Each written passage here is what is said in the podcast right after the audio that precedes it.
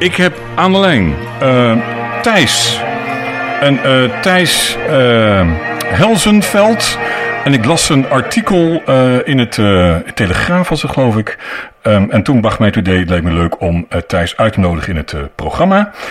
Thijs, om te beginnen, jij bent ZZP'er, ondernemer. Dat klopt, hè? Ja, dat klopt, ja.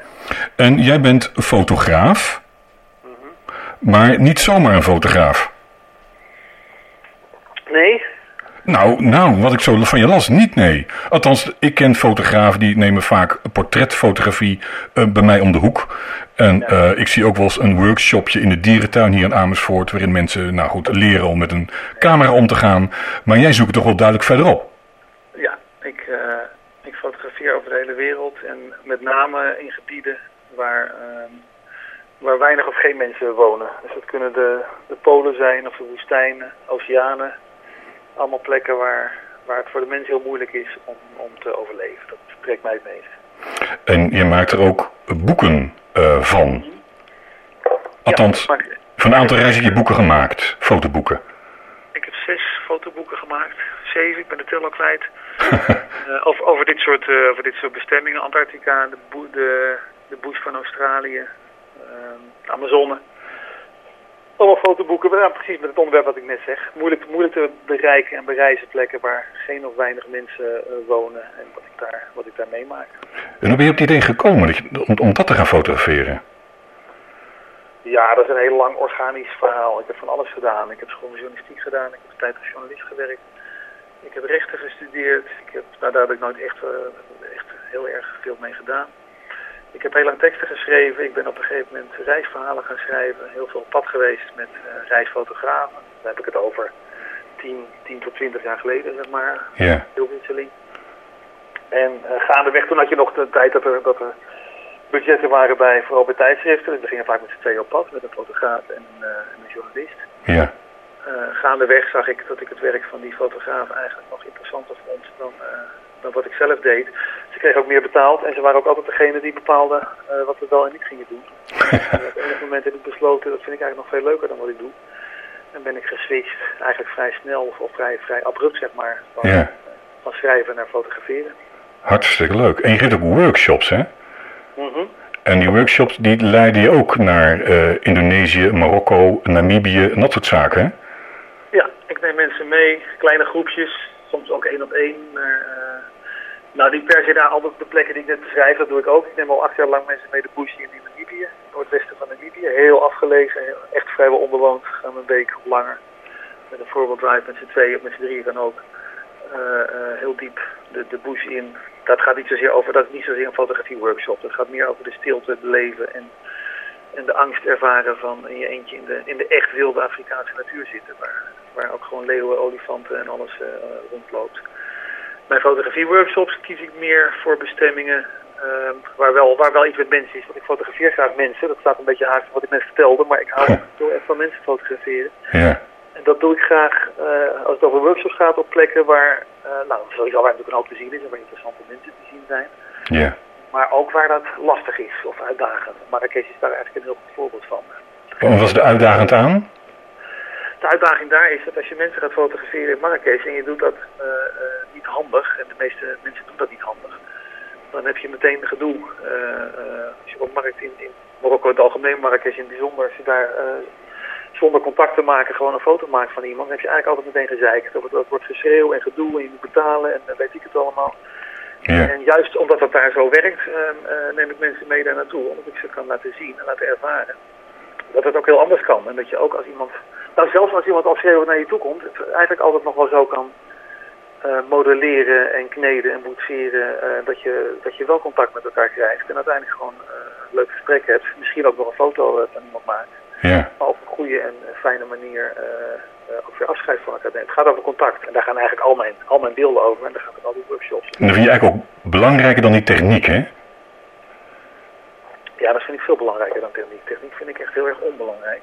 Dat wordt ook nog steeds onbelangrijker, omdat we steeds meer camera's krijgen en nu ook telefoons die, die al zoveel uh, uh, voor je nadenken denken ja. en, en, en overnemen. Dat het vak van de fotograaf en het echt snappen van diafragma's en sluitertijden en zo eh, nog steeds heel relevant is hoor, maar wel steeds minder relevant wordt. En uiteindelijk voor het maken van een mooie foto, in mijn beleving, toch nooit meer dan, eh, ik roep maar wat, 5 of 10 procent is van wat je doet. Want het gaat erom dat je het beeld ziet. Je kunt best een keer een onscherpe foto maken of een scheve of whatever. En dat is dan misschien jammer. Maar dat doet niks af aan het feit dat jij iets moois hebt gezien eh, wat je op een foto eh, hebt gezet. Wat je met anderen kunt delen. Ja. Dat is, dat is geen techniek, dat is creativiteit en dat is een gevoel. En daar, daar gaat het om met, dit soort, met, met, met fotografie. Ja. Niet over techniek. Nou, ik Daar heb, zet ik heel, heel weinig aandacht aan. ja, precies. Nou, ik heb een aantal foto's van je gezien. Het ziet er inderdaad fantastisch uit. Kan niet anders zeggen. Dank je. Hey, en, en toen kwam eh, corona. Wat natuurlijk inhoudt voor jou dat je dus niks meer kan reizen en dat soort zaken allemaal. Je zit nu thuis. En toen? Ja, ik zou. ehm, ik, ik heb eigenlijk al de afgelopen acht jaar, wat ik zei, zat ik in Namibië. Dat is altijd deze tijd van het jaar. Ons voorjaar. Ja. Ik maak nu voor het eerst sinds acht jaar een lente in Nederland mee. Omdat ik altijd twee of drie maanden in Namibië heb gezeten. Ik zou er nu ook zitten. Ik zou daar eind maart, begin april naartoe gevlogen zijn. Om Ja. gasten eh, rond te gaan rijden. Nou, dat was meteen gecanceld. Mijn eerste gast kreeg ook coro- corona. Dus die belde zelf Oh joh, jongen. Omdat hij, eh, omdat hij ziek werd. Nou, daarmee kwam het meteen heel dichtbij. Ja. Uiteindelijk heeft KLM natuurlijk een ticket gecanceld. En intussen had ik zelf ook al bedacht, het gaat hem gewoon niet worden dit jaar. Nee.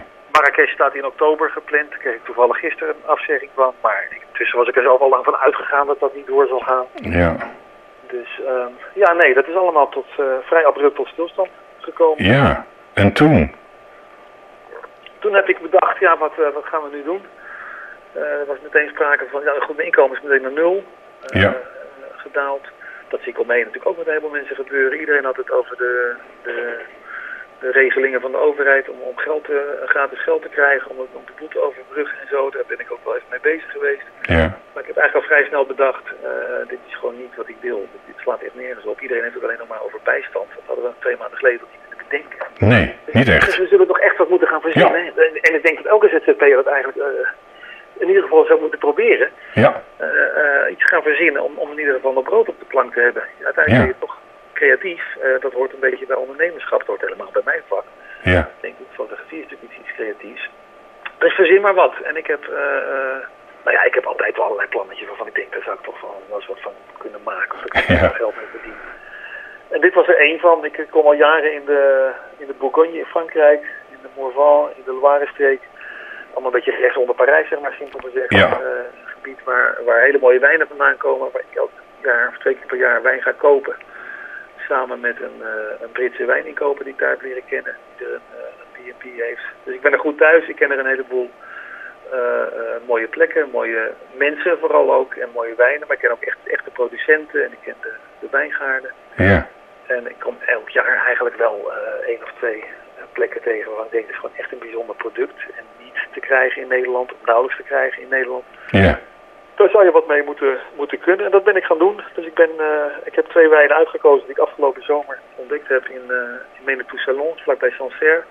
Ja. Dat zijn goede, dat zijn dure kwaliteitswijnen, daar heb ik het sowieso over. Ik heb het niet over, over supermarktflessen van, uh, van 6 euro. Nee. En daar ben ik me een beetje in gaan verdiepen. Ik heb contact gezocht met, uh, met die wijnboer. Ik heb de Franse ambassade heeft me geholpen.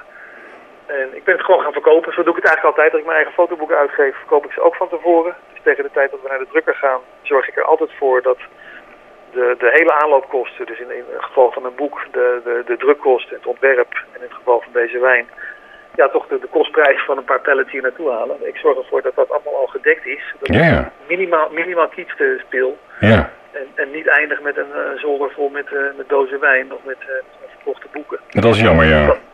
Ja, dat is natuurlijk het, het nachtmerriescenario waar mensen heel vaak in belanden als ze dit soort, als ze dit soort dingen Met, met wijn lijkt me nog minder erg dan met boeken. Maar, hè? ja, dat is wel een goede, ja. boeken je wel als je er eentje gezien hebt. Nee, dat is waar. Precies, ja. Maar nee, dat, dat, is niet handig. En dat, zo heb ik het gedaan. Ik ben het gaan verkopen. Ik ben gewoon uh, in mijn eigen net. Ik heb een groot netwerk. Dat, dat, dat hoort bij mijn werk. En daar heb ik ja. veel uh, aandacht aan besteed. Ik ben het aan Jan en allemaal en Facebook en de social media. Je kent het allemaal wel. Ja. Gewoon gaan slijten met het verhaal erbij van, van deze wijn, maar ook van de crisis en van de noodzaak van mij om anders te gaan zien. Ja. En dat eigenlijk heel snel uh, is dat gaan lopen. En, dat vind ik best bijzonder.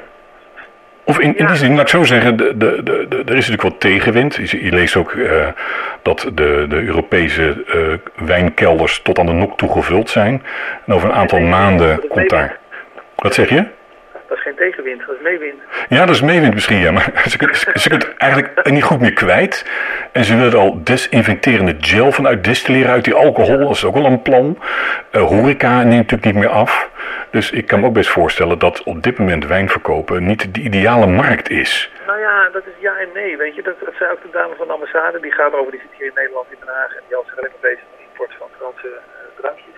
Ja, Heel veel mensen houden er nu mee op. Maar ik heb dat niet zo erg logisch gevonden. Het leek me juist een goed moment om ermee te beginnen. Onder andere om de reden die jij net zegt. Eh, ik voelde wel aan dat er iets van overschot ging ontstaan daar. ja, Zeker in het segment van die duurdere wijnen waar ik in zit. eh, eh, de horeca is er helemaal mee opgehouden. Niet alleen ons, maar daar natuurlijk ook. ja, Dus nee, daar zijn, daar zijn eigenlijk alleen maar kansen. Het probleem is natuurlijk het hier krijgen. Ook met, met de lockdown. En, Ja. de grenzen, douane en dat soort ja, toestanden. Dat leek mij de grootste uitdaging. Sowieso van tevoren. Want ik weet met dit soort dingen als je met de belastingdienst te maken krijgt. En dan al helemaal met alcohol, sigaretten, weet je wel. Dat soort Ja. onderwerpen. Dan gaan die jongens natuurlijk helemaal op, op tilt gaan over rode vlaggen. eh Ja. wapperen.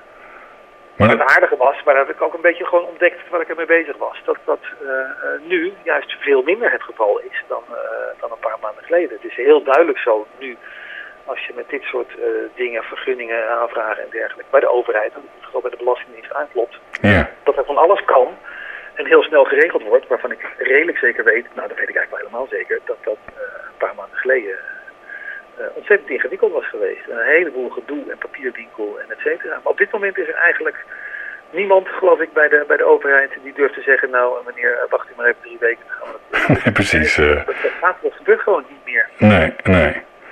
Dus dat gaat, dus dat gaat goed. Ja, dat gaat heel goed. Ik heb die eerste lading, eh, twee pallets, eh, ruim 1000 flessen, 1600 kilo met de vrachtwagen laten komen. Doe maar. Die is vrijwel helemaal eh, weg. Dus ik ben nu bezig, zo heb ik het dan nu weer ingericht, dat ik bij die, voor die, voordat ik weer nieuw spul laat komen, zorg ik ervoor dat ik voldoende bestellingen heb om, nou wat ik net al zei, om ervoor te zorgen dat ik zeker weet dat ik geen voorraad naar binnen haal naar Nederland haal, waarvan ik niet weet dat ik hem ook al voldoende verkocht heb om in ieder geval kiet te kunnen spelen. En vind je het ook leuk om te doen? Wat zeg je? Of Vind je het ook leuk om te doen? Ehm, ja, ik vind, maar ik vind handel eigenlijk altijd. Ik vind alles wat een beetje handel is, vind ik leuk. Ik vind het, leuk om, ik vind het heel leuk om wat nieuws te, te gaan, gaan, gaan proberen. Weet je wat ik net vertel, die hele papierwinkel, Ja, transportverzekering, dat heb ik nog niet gedaan, eh, verzekering. Eh, die, die belastingjongens, eh eh, de accijnsaangifte en, en distributie, dat is natuurlijk een hele grote. ja, Ja, ik vind het leuk om daar allemaal mijn weg in te vinden en uit te gaan zoeken hoe dat, hoe dat nou kan en hoe je dat moet gaan regelen. Wat handig is, ook al qua prijs, ja, dat soort dingen. Ik rij nu kriskras door Nederland met mijn autootje vol met dozen wijn. ja, dat is niet een heel bestendig bedrijfsmodel, dat ga ik niet jaren doen. Maar nu heb ik eigenlijk heel veel lol in. De, weet je, de wegen zijn leeg. Ja. Midden, midden in Amsterdam kan ik gewoon in een uur zes verschillende adressen eh Ja. afleveren. Nou, mijn volgende vraag zou inderdaad zijn: stel je voor dat de boel weer open gaat en je kan weer gaan reizen. Wat doe je hier nu mee? Ga je hier dan verder mee? Ik heb geen idee. Oké, dat is duidelijk. Wat gaan we dan zien? ja, precies. Nee, nee, dat weet ik echt niet. Dat hangt, er- stel, stel dat het dan echt staat en loopt en ik, ik, heb een soort van bestendig klantenbestand en mensen... Weet je, de eerste, eerste lading was niet zo ingewikkeld. Dat is mijn eigen netwerk. Dat, dat verkoopt allemaal wel, maar Ja. dat is veel spannender. Want nu krijg ik eh, de vraag, vinden mensen het echt goed? Zijn ze bereid om deze prijs te betalen voor dit product? Ja, Uiteindelijk is dat natuurlijk echt waar het over gaat. Nou, volgens mij is de, zijn de wijnen die ik kies, zijn het echt waard. Maar tegelijkertijd is dit natuurlijk een ontzettend verzadigde markt waarin Jan en Alleman eh geprobeerd heeft. Dus ik heb geen idee. Ja. Dat, dat, dat- nu moet de kwaliteit zich echt gaan bewijzen. En daar heb ik heel veel vertrouwen in. Maar ja. eh, Nou, dat je, zegt niet alles. je zoekt op zich wel het, het, het goede seizoen uit. Want de Manitou Salon is uitstekend bij asperges. Ja, ik zit er met te drinken. Oh, kijk. en hoe mooi is het? De asperges zijn er nu, gaan weer volop komen. Ja, er moet echt even een Manitou Salon bij. Ja, heel goed. Ik heb ze in de tuin, dus ik, ik, eh, ik drink met mijn eigen asperges. Maar ik zit nu sushi te eten. Daar doet het ook lekker bij, denk ik. Sushi heb ik nu weer binnengehaald van Hokkai Kitchen. Dat is een fantastische eh Ja, sushi-maker in Nijmuiden. Ik ken die vent wel. ja, Eh, die, die maakt voor alle Japanse ambassades in Nederland maakt hij de sushi. Echt dit, gewoon het beste van het beste. Ja, wil precies. hebben. Maar eh, dat hebben we met gesloten beurzen gedaan. En ik ben met een auto vol sushi teruggekomen. kijk. klinkt goed. Hey, klinkt goed. Ja. Hey, ik denk dat ik, eh, ehm, ja, ik zou graag heel lang door eh, willen praten. Ik krijg er zelfs een beetje dorst van, van dit gesprek. Ehm, maar ja, ik denk dat ik ook verder ga met de show. Hey, mag je enorm bedanken voor dit interview. Dat En- Zullen we nog even de website noemen? Oh, uiteraard, natuurlijk. Of course. Ja, zeg het maar. Dat is www.reisjelangsdewijn.nl Reisjelangsdewijn.nl En daar kan je dus wijn bij jou bestellen. En, een salon. Een salon. Je hebt ook een witte en een rosé, geloof ik, hè? Een witte en een rosé, ja. Nou, hartstikke goed. Volgens mij zijn ze hartstikke mooi. Uh, ik zou zeker de mensen aanraden om er eens voorbij te kijken en beter nog te bestellen. Leuk, bedankt voor je aandacht. Graag, dankjewel. Dankjewel Thijs. Hoi. Goed zo, hoi hoi.